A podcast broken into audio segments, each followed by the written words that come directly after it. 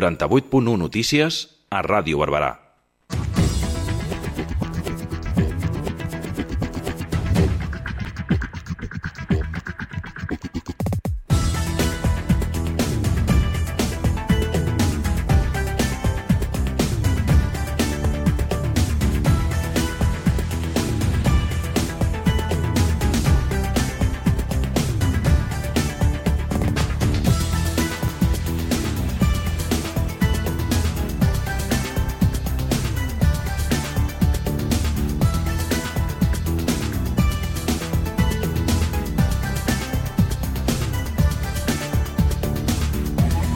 Arriba la onzena ruta a l'etapa Barberà del Vallès. La ciutadania podrà aprovar les propostes dels establiments participants entre el 12 de maig i el 4 de juny. Amb la ruta de l'etapa iniciem el 98.1 Notícies d'aquest dilluns 17 d'abril del 2023. La resta d'informacions destacades les repassem en forma de titulars.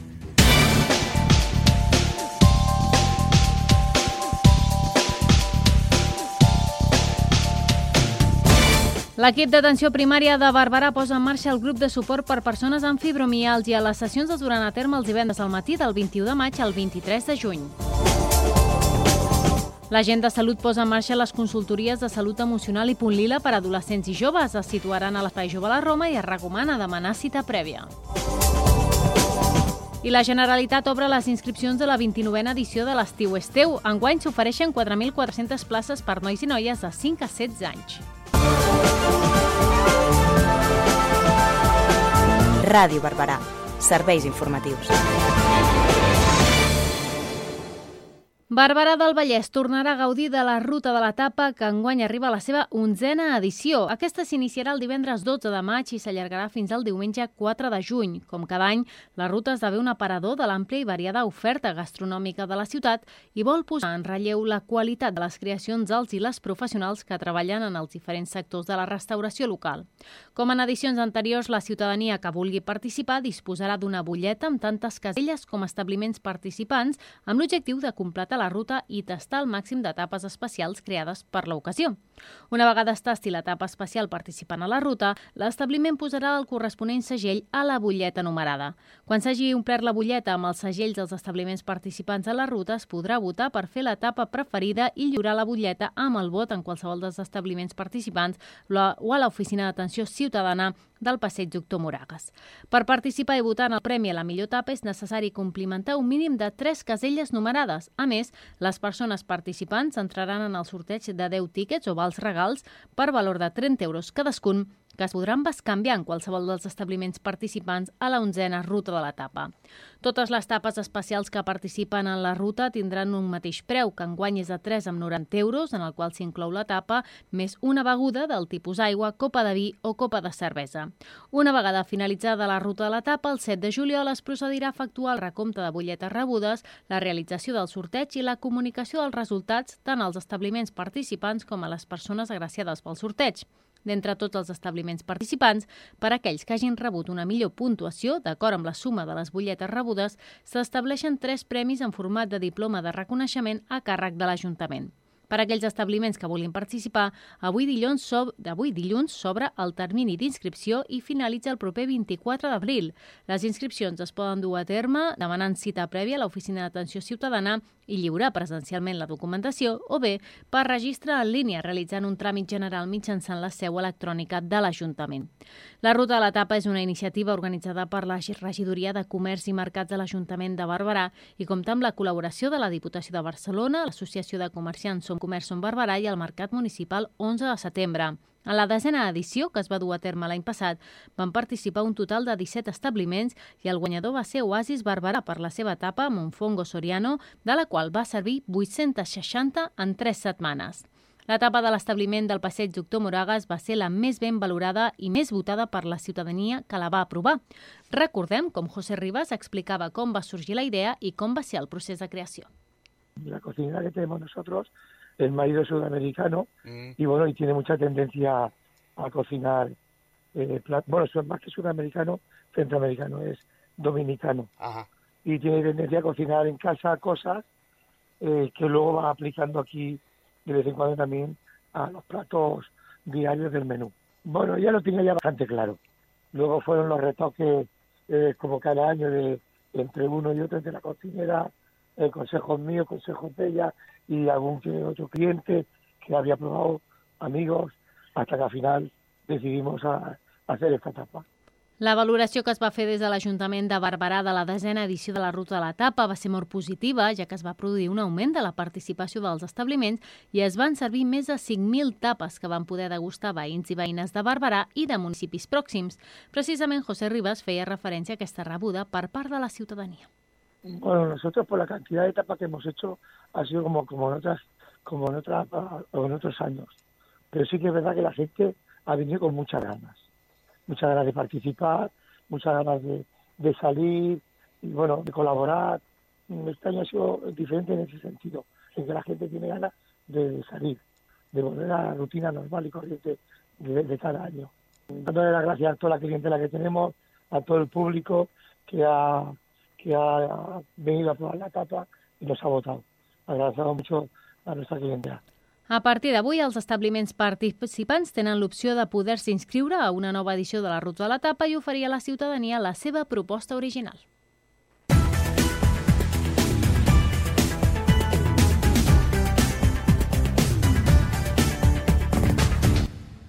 L'equip d'atenció primària de Barberà del Vallès posa en marxa el grup de suport per persones amb fibromiàlgia adreçat a persones usuàries amb fibromiàlgia del CAP Barberà i del CAP Rosa dels Vents.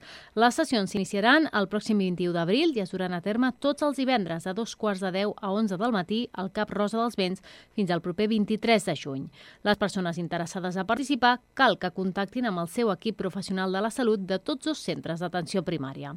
Reconeguda per l'Organització Mundial de la Salut al 1990, 1992, la fibromiàlgia és una condició crònica i complexa que causa dolor generalitzat no articular, un esgotament profund i també una varietat d'altres símptomes. El dolor i la sensibilitat tendeixen a anar i venir i se senten a tot el cos. Molt sovint, les persones pateixen aquesta malaltia tenen dificultats per dormir. El diagnòstic es realitza mitjançant una revisió exhaustiva i es caracteritza per una sensació dolorosa a la pressió d'alguns punts sensibles específics. Molt lligada a la fibromiàlgia trobem el síndrome de fatiga crònica, un desordre debilitant caracteritzat per una fatiga profunda que no millora amb el descans i que pot empitjorar per l'activitat física o mental. A més, les persones afectades d'aquestes síndromes acusen nombrosos símptomes no específics que inclouen debilitat, dolor muscular, falta de concentració o pèrdua de memòria, insomni, fatiga després de l'esforç que dura més de 24 hores, entre d'altres. La fibromiàlgia pertany al grup de les síndromes de sensibilització central, que són malalties cròniques que afecten homes i dones de totes les edats i que provoquen un gran impacte en la qualitat de vida. Ens ho expliquen des de la Generalitat. Les síndromes de sensibilització central. Malalties cròniques en períodes d'intensificació dels símptomes. Afecten tant homes com dones de totes les edats. Provoquen símptomes que afecten diversos sistemes de l'organisme. Impacten en tots els àmbits de la vida d'una persona. Poden limitar molt la vida quotidiana. La fibromiàlgia. Més enllà del dolor generalitzat, la fibromiàlgia comporta cansament extrem, trastorns de la memòria i insomni. La síndrome de fatiga crònica.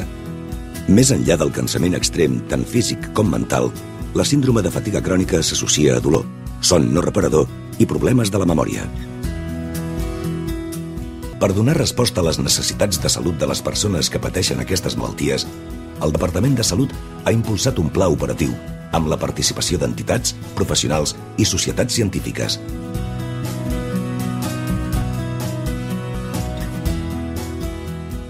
creació de 18 equips de professionals experts que abasten tot el país i que integren l'atenció primària i l'atenció hospitalària.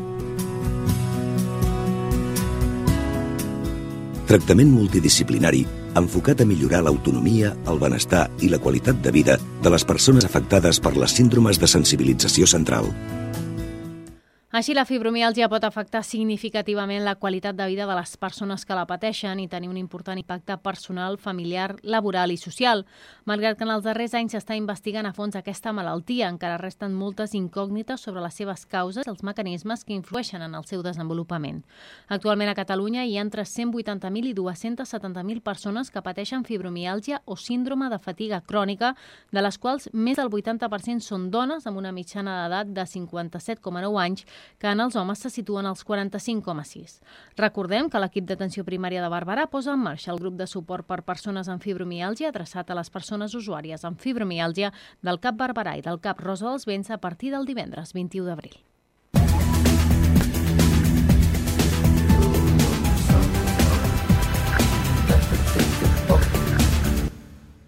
I l'agenda salut posa en marxa les consultories de salut emocional i punt lila. Amb l'inici del 2023, l'Ajuntament ha recuperat la figura de l'agenda salut amb la finalitat d'apropar la promoció de la salut a adolescents i joves entre 12 i 29 anys de forma extrasanitària. L'agenda salut és un servei d'atenció en matèria de salut en espais extrasanitaris, fent intervencions orientades a cada col·lectiu, tant grupals com individualitzades, així com intervencions d'orientació dels i les professionals que hi treballen directament. Desenvolupar les seves intervencions en diferents equipaments municipals, l'equipament socioeducatiu La Roma, l'equipament socioeducatiu El Racó i la Fundació Barberà Promoció.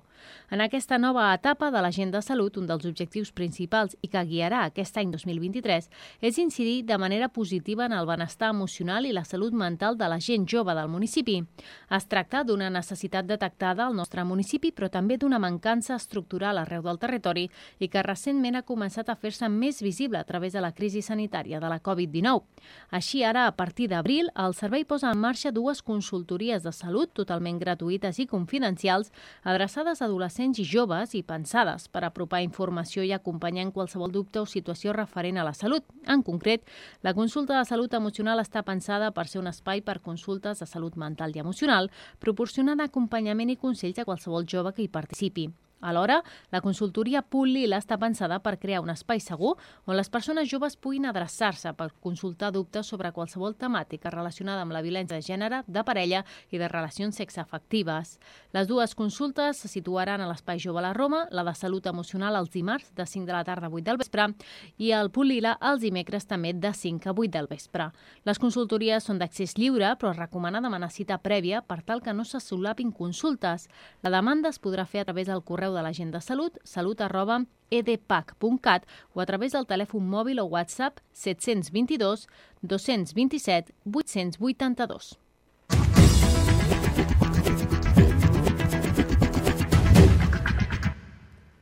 Barberà del Vallès ha esgotat de nou les places disponibles per donar sang en una nova campanya del Banc de Sang i Teixits que es durà a terme demà dimarts al Teatre Municipal Cooperativa.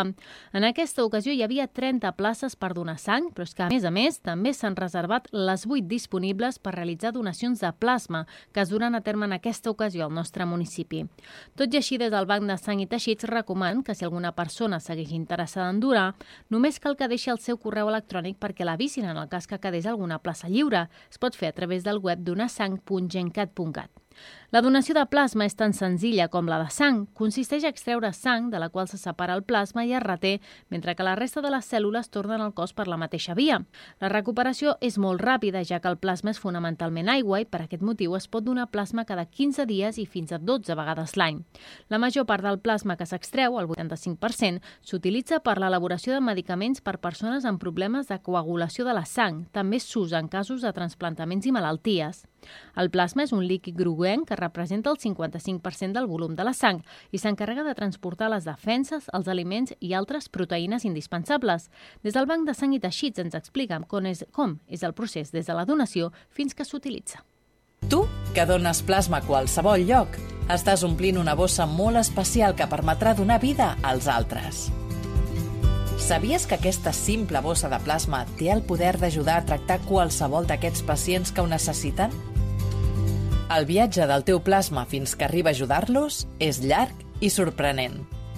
Això és el que passa després de fer-ne la donació. El mateix dia que l'has donat, el teu plasma arriba a la seu del banc de sang. Un cop aquí, l'analitzem per assegurar-nos que el podem utilitzar en pacients. Pot ser que usem el plasma directament, per exemple, en cas d'hemorràgia durant una operació o en cas d'accidents greus. Però del plasma també n'extraiem proteïnes que es converteixen en el tractament de múltiples malalties. T'expliquem com els preparem. Primer, unim el teu plasma al d'altres persones que, com tu, n'han donat. Després, l'enviem a un laboratori especialitzat en l'extracció de proteïnes del plasma, com ara les immunoglobulines. Són molècules petites que ajuden al cos a lluitar contra les infeccions i contra les malalties del sistema de defenses. són molt poderoses i són l'ingredient principal d'una gran varietat de tractaments. Les proteïnes, un cop extretes del plasma, ja es consideren medicaments i tornen al banc de sang, on es conserven i des d'on s'envien als hospitals. Alguns tractaments a base de plasma requereixen tantes immunoglobulines que per preparar-los calen desenes de donacions de plasma. En concret, a Catalunya ens fan falta 65.000 donacions de plasma cada any, més de 200 donacions cada dia. Nosaltres, els professionals del Banc de Sang, treballem 24 hores al dia, 7 dies a la setmana perquè la teva donació arribi a qualsevol punt de Catalunya i a les persones que ho necessiten més. Cada donació ha viscut un viatge de vida sorprenent que comença amb tu. Apunta't per donar plasma a donasang.gencat.cat barra plasma. En el plasma hi ha suspeses les cèl·lules sanguínies, glòbuls vermells, glòbuls blancs i plaquetes. Està format per aigua en el 90%, sals minerals, minerals i una gran quantitat de proteïnes que vellen pel bon funcionament del nostre cos. Dels 5 litres de sang que té de mitjana una persona de 70 quilos, uns 3 litres són de plasma. En el global de Catalunya, l'any 2022 es van realitzar un total de 253.831 donacions de sang, 21.692 de plasma i 1.838 de plaquetes en 25 centres hospitalaris hospitalaris, 12 d'ells amb seu fixe del Banc de Sang i a les més de 4.300 col·lectes mòbils organitzades arreu del territori. Tota la informació local i comarcal a 98.1 Notícies.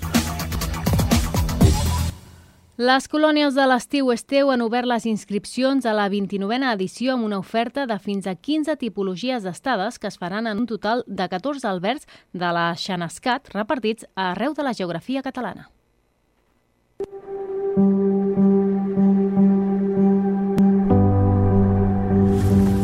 Sentim el sol a les parpelles.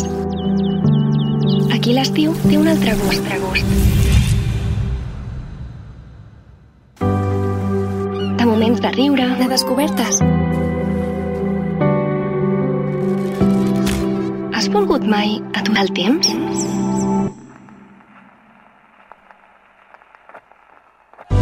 Aprendre és el joc. La família és nova.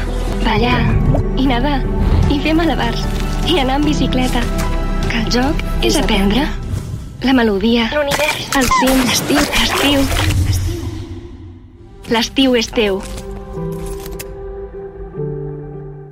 En total, el programa de lleure educatiu organitzat per l'Agència Catalana de la Joventut ofereix aquest estiu fins a 4.423 places adreçades a infants i adolescents de 5 a 16 anys, uns participants que estaran al càrrec de més de 600 monitors i monitores i que es repartiran en 102 torns al llarg dels mesos de juliol, agost i setembre. Entre la diversitat de l'oferta s'inclouen les següents tipologies de colònies, música, temàtiques amb idiomes, esportives, multiesportives, combinat d'anglès i multiesportives, ciència i enginy, circ, cinema, excursionisme, dansa i emocions, fotografia i imatge, art i creativitat, natura, veu musical i TikTok. Pel que fa a l'oferta, aquest 2023 hi ha dues novetats. En primer lloc, la recuperació de les colònies de veu i musical, que es faran a l'agost a l'Albert de Banyoles per un total de 30 infants i joves de 8 a 16 anys. Els participants treballaran les disciplines del cant, la dansa i el teatre i també descobriran les diferents parts de la producció d'un espectacle. D'altra banda, per primera vegada l'estiu Esteu ofereix unes colònies dedicades a l'ús responsable, crític i en català de la xarxa social digital TikTok.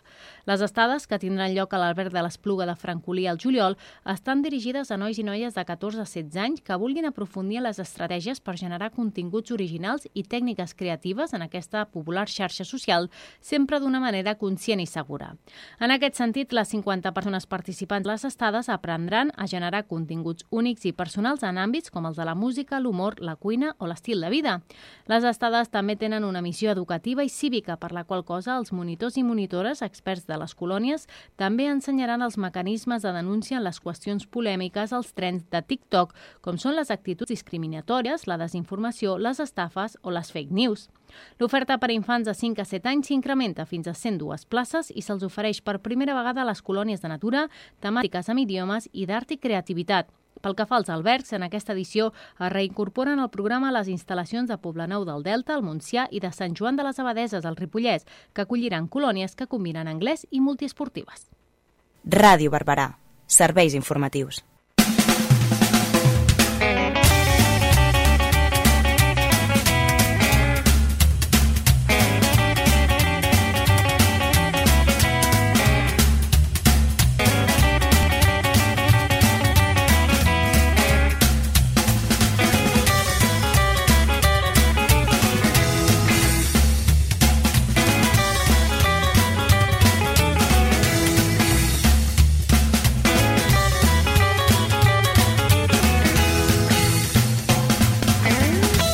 Obrim l'agenda cultural del dia d'avui. Ens anarem a la ciutat veïna de Cerdanyola del Vallès perquè aquesta tarda es durà a terme el taller infantil Gaudint amb Picasso, Perspectiva i Cos. Un taller on les persones participants s'endinsaran en el món cubista de Picasso, descobrint i coneixent a través del cos què és la perspectiva i com el pintor l'utilitzava. Es pintarà, es retallarà i s'unirà i s'intercanviaran peces per construir totes i tots plegats al món cubista. És una sessió que anirà a càrrec de Carme Vila i Toni Boluda i que està dirigida a infants de 7 a 10 anys. Per poder fer la inscripció, només cal entrar al web de la Biblioteca de Cerdanyola. Aquest tall infantil es durà a terme doncs, aquesta tarda a dos quarts de sis a la Biblioteca Central de Cerdanyola del Vallès.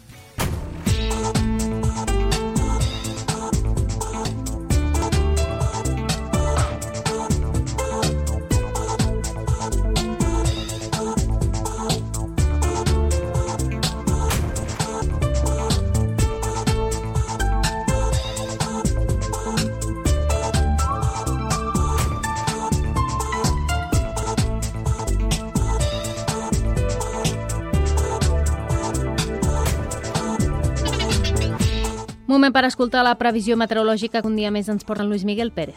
Bon dia, de moment el temps continua tranquil i encara amb una miqueta de tramuntana cap al Cap de Creus. Ha d'anar de baixa en qualsevol cas, però no acabarà de desaparèixer d'aquesta banda del nord de Girona. A la resta del país el vent més aviat feble anirà girant cap a Marinada, una miqueta més reforçada aquesta tarda cap al Camp de Tarragona, i també al llarg de la tarda i del vespre aniran apareixent molts núvols al Pirineu i al Prepirineu. De fet, sobretot al Prepirineu, entre el Solsonès i la Garrotxa, tindrem ja a últimes hores de la tarda algun xàfec. Quan es faci de nit, plourà amb una miqueta més de ganes cap al Berguedà, cap al Ripollès, a Osona, les muntanyes de la Selva i fins i tot ja entrada aquesta matinada algun ruixadet a la resta de comarques de Girona i també de Barcelona. Demà tindrem alguns núvols més que avui, baixarà un palet la temperatura i tindrem algun xàfec més probable durant la tarda cap al Prepirineu, al Pirineu i a les muntanyes del prelitoral. Ho anirem seguint aquí a la xarxa. Je souviens.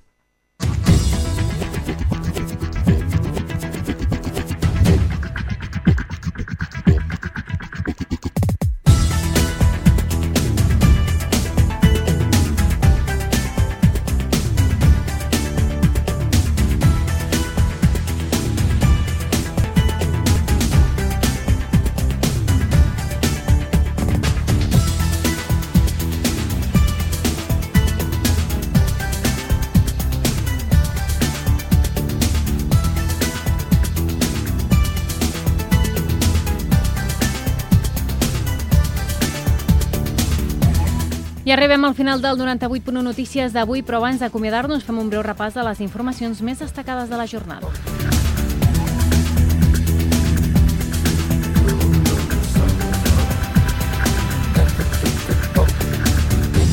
Arriba la onzena ruta de l'etapa Barberà del Vallès. La ciutadania podrà aprovar les propostes dels establiments participants entre el 12 de maig i el 4 de juny.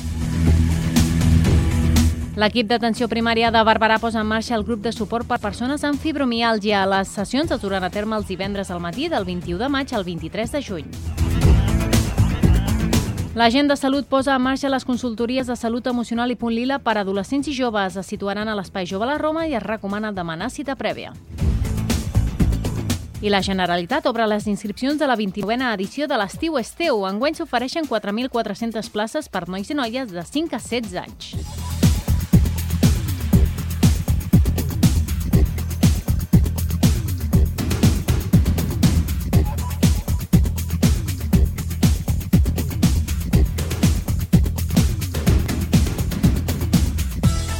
Salutacions d'en David Martín des del control tècnic i de qui us parla, la Judit González. Els serveis informatius tornem demà dimarts, com sempre, a partir de la una, aquí a Ràdio Barberà. Molt bona tarda.